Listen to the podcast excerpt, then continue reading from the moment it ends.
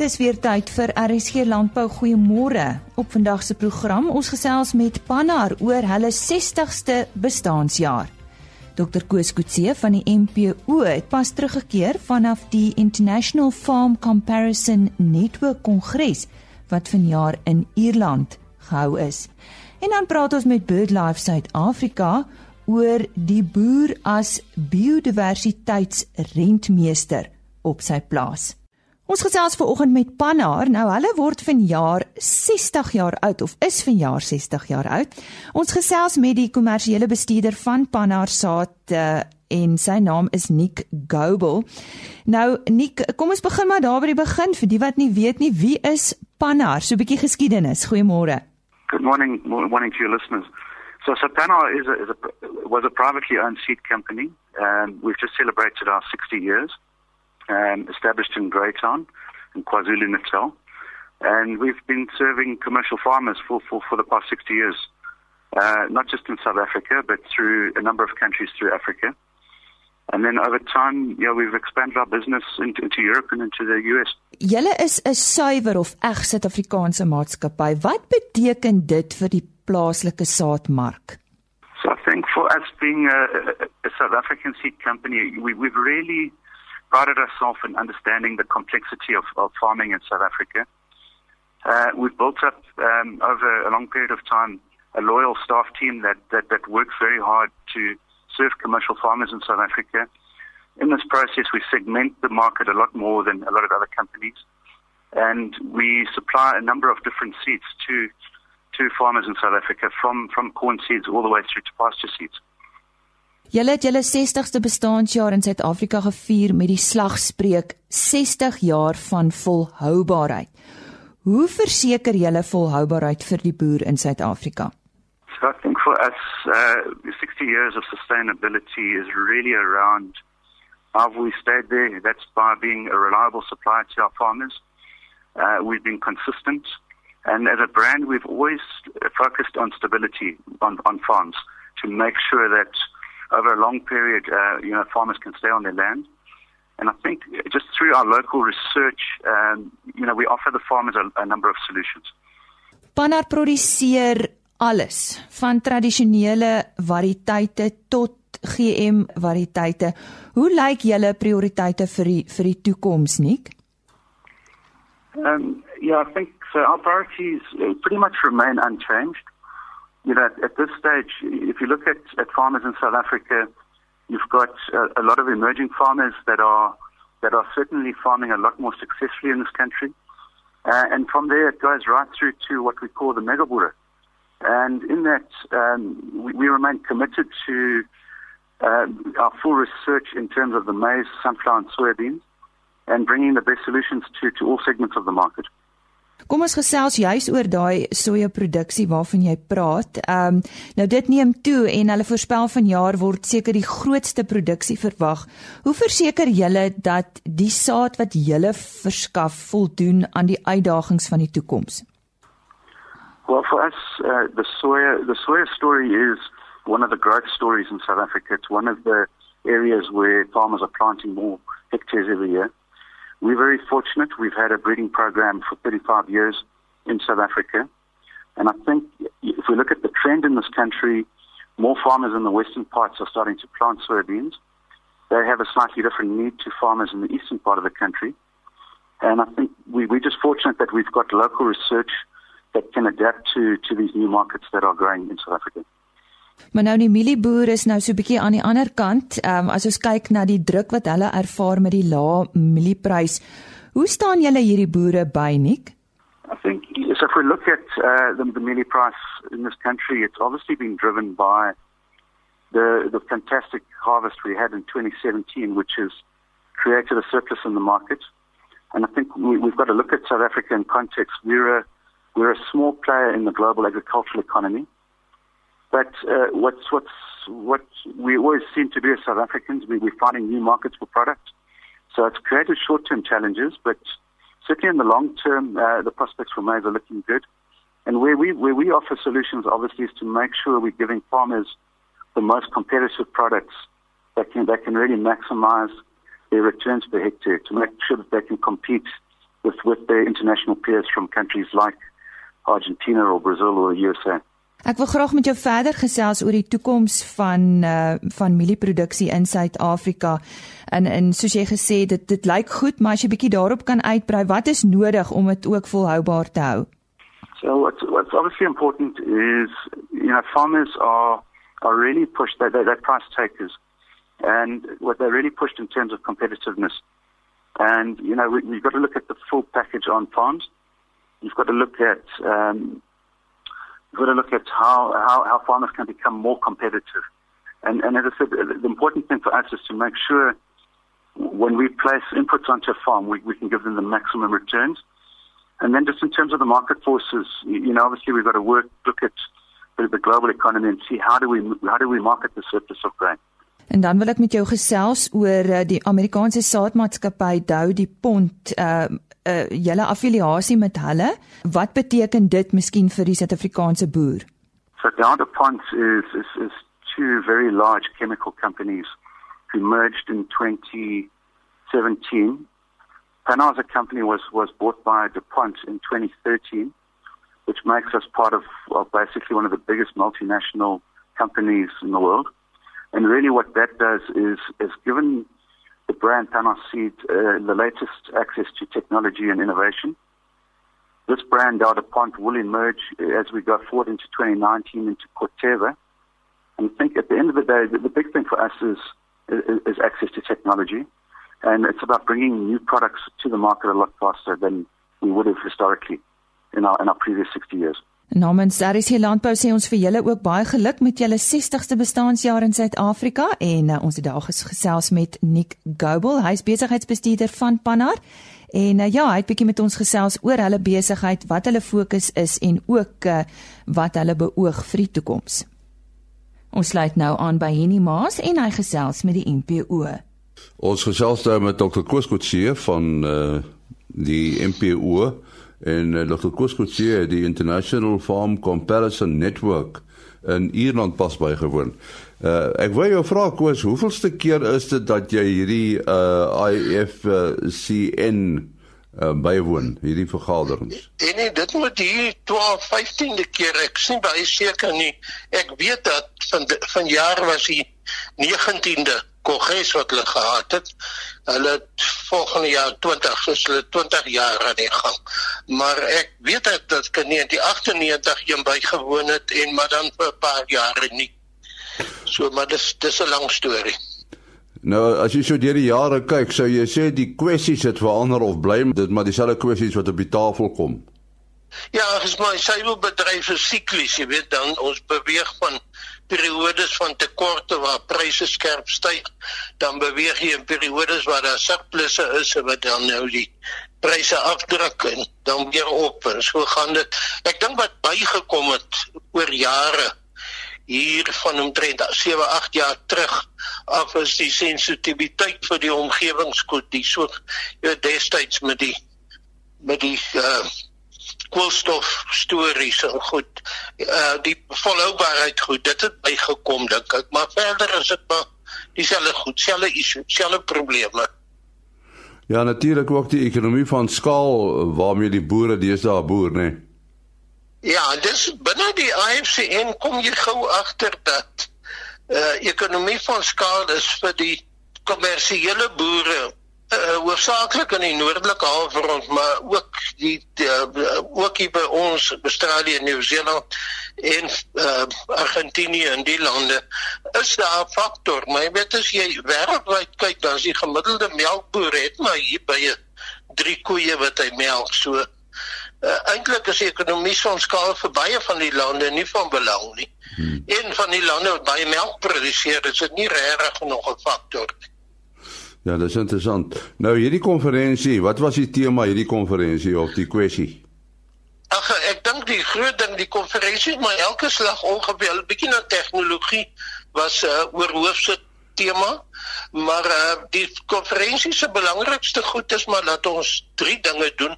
Ons vergelyk ons tipiese plaaslike boerderye se inkomste en kostes met die van al die ander lande. So oorlande vergelyking van inkomste, kostes, uh al die al die detail van die melkboerdery op plaas.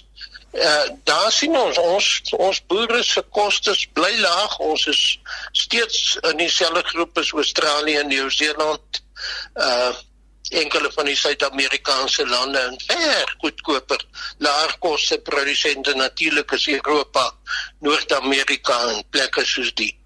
Uh die tweede deel dan kyk hulle verder kyk hulle bietjie na omdat ons uit die 90 wat ook al uh, uh lande se mense wat daar teenwoordig is 'n goeie idee van die totale melkproduksie totale syfers vir al hierdie lande het. Kyk op my maak ons 'n projeksie oor hoe lyk die korttermyn en dan hoe lyk die langtermyn vooruitsigte vir sy wil vorentoe? En en hoe lyk die vooruitsigte korttermyn is die ek wil amper sê die die poeiervoorraad in Europa bly 'n probleem. Dit bly maar hy hang maar nog as 'n beelsteen om die nek daar. Uh die, dit lyk of hulle 'n bietjie planne maak om dit minder te kry, maar daar's nog nie feesinglike beweging nie. En dit hou die afgeroomde melkpoeier af. Maar verder is die verbruik besig om redelik stadig maar seker te groei en dit lyk of ongeveer in balans so korttermyn dink ek moet ons ons klaarmaak vir die huidige prysvlakke omtrent internasionaal nou en dan op die langtermyn natuurlik die wêreldverbruik groei met 3 maal Suid-Afrika se produksie per jaar. So die langtermyn groei is baie positief. Dis elke jaar meer mense en dan ook styg per capita verbruik. So jy die twee goed, daar's meer mense wat elke meer melk en botter en kaas verbruik. So langtermyn is positief, korttermyn is uh bietjie stabiel en dan natuurlik daarbey bygesê, jy weet as jy kyk na die grafiek van suiwelpryse oor tyd is geweldig volatiel op en af en in die opkry jy af of nog in die afkry nog 'n oppas ook so hoogs volatiel maar die langtermyn tendens bly positief. Nou die die af wat die boere nou beleef, uh, hoe standhoudend is dit? Uh, kom daar weer goue op? Ja, kom ons kom ons praat dan dan praat ons Suid-Afrika. Ek dink internasionaal is die op klaar besig om stadig maar seker te begin. Ek sien wat ons in Suid-Afrika sien en is dat die produksie groei heel wat verstadig het. Uh ons kyk na Junie maand wat maar iets soos 1% plus op op Junie verlede jaar is. My maand was so 'n bietjie by 3% op, maar belangrik my maand as persentasie van April is laer. Dis die eerste maal in 10 jaar wat ons 'n daling in produksie sien. Uh daar's dis droog in die Oos-Kaap, dis droog in dele van die Suid-Kaap nog. So ons reken dat ek glo dat produksie gaan redelik vinnig aanpas by die verbruik. En en uh, die die rol van langlewe melk eh, speel dit 'n rol die invoere daarvan? Uh, ek dink hierdie invoere van langlewe melk uh ons voer nie baie in nie en ons voer meer uit as wat ons invoer. So op die totale suiwerbalans speel dit nie regtig 'n rol nie. Die rede vir die prysverlaging is die 4 plus persent hoër produksie in die eerste helfte van 2018 en hierdie hoër produksie het al van die middel 2017 al begin gedryf deur relatiewe hoë produsente en lae graanpryse. Nou het ek net beklemtoon lae graanpryse in 2017. Hierdie faktore dryf die toename in produksie en dit het dan nou die kopers in staat gestel om hulle pryse aan die boere te verlaag. So wat jy eintlik ook sê is uh, die die boere moet maar moed hou, die die prys sal weer verander. Jy weet, ek het vanoggend met 'n melkboer wat ek baie jare ken daar in die uh, in die Suid-Vrystaat gepraat. Nou dis dis die area waar die manne groot in die moeilikheid is as gevolg van kopers, uh, verwerkers, karweiers wat nou nie meer gekoop nie, maar wat dat hy toe vir my sê, sy maar hy's lankal in die melkbedryf en hy weet dis siklies, die pryse is nou af, maar hulle gaan weer opgaan. Das sê ons sê baie dankie aan Dr. Koskutsie daarvan die MPO. Dankie nie. Voëls en hulle habitats in Suid-Afrika word al hoe meer deur menslike invloede bedreig. Nou Ernst Retief van die omgewingsorganisasie BirdLife Suid-Afrika gesels dus nou met ons hieroor oor hoe boere rentmeesterskap vir die biodiversiteit op hulle plase kan neem en waarom dit so belangrik is. Nou Ernst verduidelik eers vir ons wat presies behels biodiversiteitsrentmeesterskap. Ja, dit is 'n term wat onlangs of deesdae al meer gebruik word in die bewaringswêreld. Dit verwys maar net kortliks daarna dat daar grondeienaars, soos byvoorbeeld 'n boer, verantwoordelikheid neem of omsien na die biodiversiteit wat op sy eiendom voorkom. Ons word maar net elke dag al meer daarvan bewus dat die grond wat boere besit, is geweldig belangrik vir die bewaring van biodiversiteit.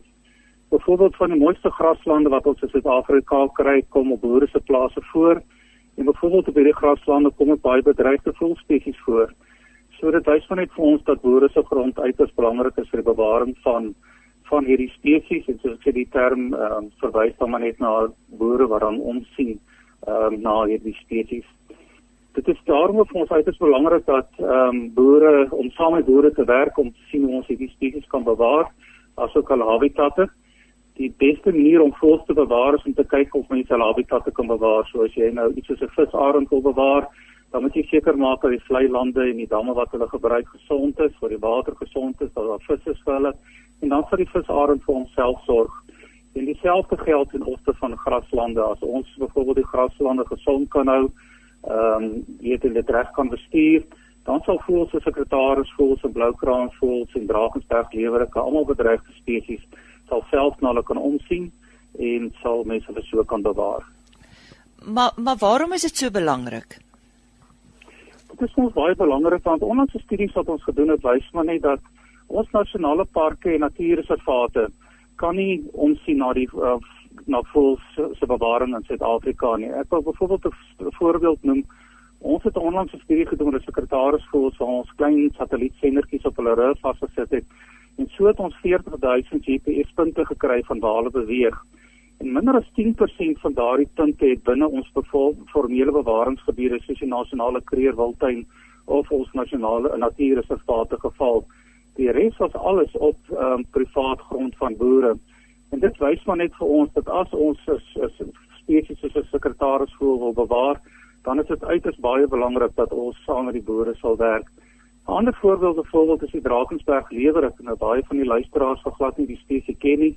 Dit is 'n baie klein val, um, lewerik klein voeltjie en baie boere weet nie dat hy kom hulle hy kom op hulle plase voor nie.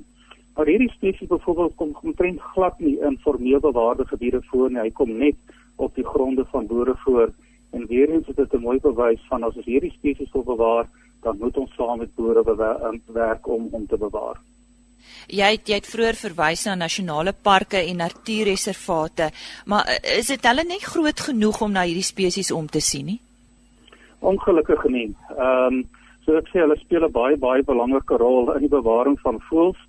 En 'n onlangse studie wat ek gewys het, het gewys dat so 88% van die voëls wat ons in ons land het, word baie goed deur parke bewaar. Maar iets soos 'n sekretarisskool byvoorbeeld, het 'n gebied van omtrent 25 vierkante kilometer nodig um, om te oorleef. En dan as jy kyk na van ander groter roofvoëls dan is dit tog selfs meer. Ook voëls migreer byvoorbeeld so ons het voëls wat migreer van Suid-Afrika na Europa of na die res van Afrika. Hulle bly nie altyd in die in 'n nasionale park nie. En daarom sê nasionale park natuurreservate is uiters belangrik maar ons het ook kyk na gebiede buite nasionale parke en natuurreservate om voëls te bewaar Julle werk tans in die Oos-Vrystaat saam met boere om formele bewaringsgebiede te skep. Vertel ons bietjie meer hieroor.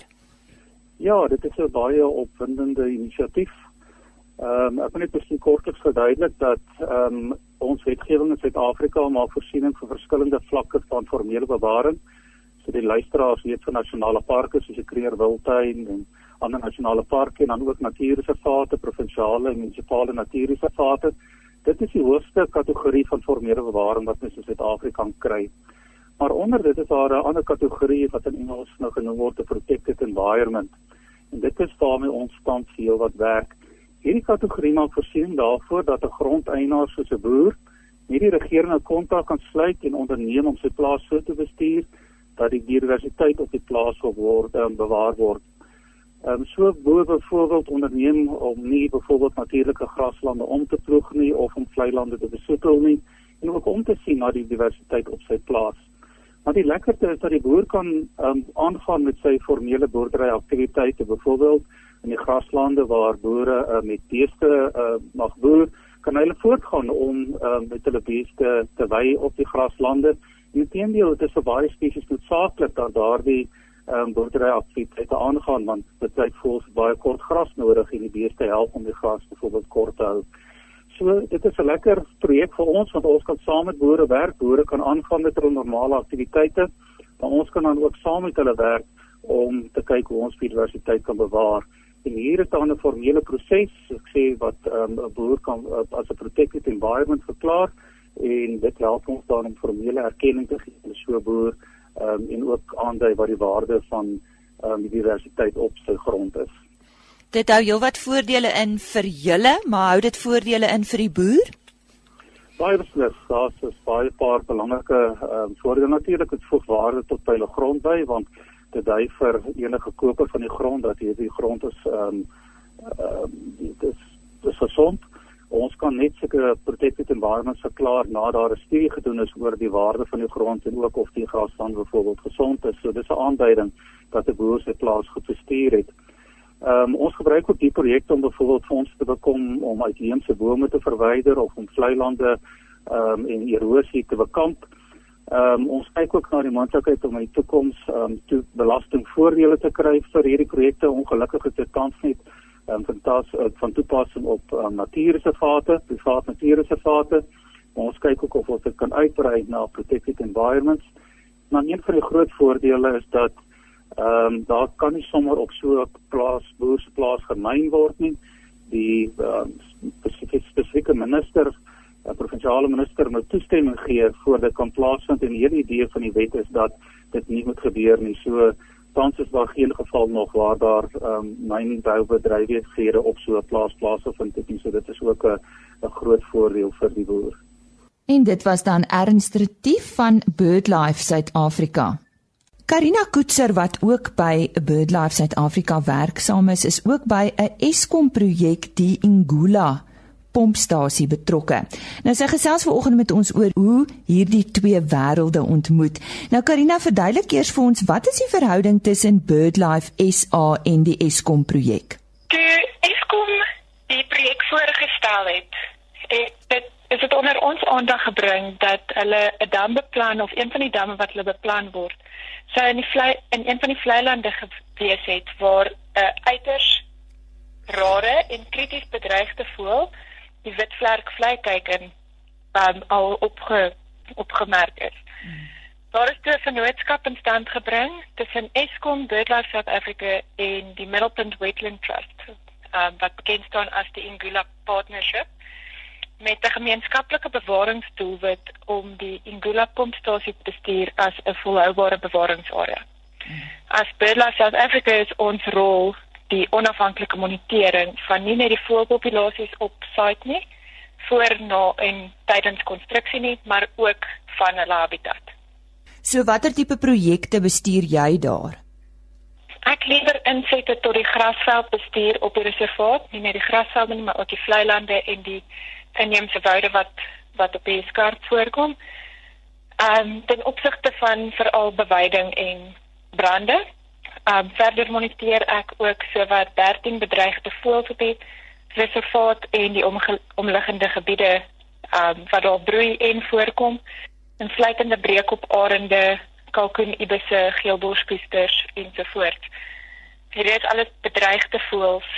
Um so die monitering van hulle is, is krities belangrik. Ek is ook die plaaslike kontakpersoon vir die wilgebewaringsgebied wat ons besig is om as persone rondom Ingula tot stand te bring. Nou Erns het vroeër vir ons verduidelik wat eh, 'n uh, biodiversiteitsrentmeesterskap is en hoe dit werk. Vertel 'n bietjie vir ons meer van die wilge projek waarmee jy besig is en hoe dit inskakel by uh julle werk by Ingula. Okay, so 'n paar jaar gelede is 'n projek geloods om hierdie bewaringsgebied te verklaar wat aan die Ingula Natuurreservaat grens dien as 'n buffer soos ek vroeër gesê het en sedert ons besluit het om die projek te begin ontmoet ons met boere in die omgewing vertel hulle vir vertel vir hulle wat ons beplan wat 'n protected environment is en wat hulle verantwoordelikhede ook daarvan is. Ehm um, dit is baie belangrik dat die grondeienaars besef dat die projek gaan oor die bewaring van die biodiversiteit en dat hulle sekere verantwoordelikhede in die ver verband het. Maar dit het ook baie voordele vir die boere. En en wat was die reaksie van die boere sover? Sover baie goed. Ehm um, ons hoop om in fase 1 waarmee ons tans besig is, so wat 20000 hektaar bewaar sal word. En dan hoop ons in 'n volgende fase fase 2 sal ons 'n addisionele 20000 hektaar kan byvoeg. Die meeste van die eiendomme bestaan hoofsaaklik uit natuurlike graslande en een van dis een van die min plekke in ons land waar mense honderde hektare gesonde graslande kan kry. So Karina, wanneer sal die projek voltooi wees? Ons hoop om die formele proses met die regering in die volgende maand te begin, so gou as moontlik, en dan hoop ons dat dit dat fase 1 binne die volgende jaar afgehandel sal wees. Nou sê daarmee baie dankie aan Karina Koetser. Sy is eh, betrokke by BirdLife Suid-Afrika en sy eh, werk ook aan 'n Eskom projek by die Ngula pompstasie en sy het ons bietjie meer daarvan vertel. Nou môreoggend sit ons ons gesprek voort en ons praat met die bedreigde wildlewe trust oor uh, hulle samewerking met BirdLife Suid-Afrika. Ons gesels dan weer môreoggend net so skuins na 05:30 met u. Totsiens. RSG Landbou is 'n produksie van Plaas Media. Produksieregisseur Henny Maas. Aanbieding Lisa Roberts. En inhoudskoördineerder Jolandi Root.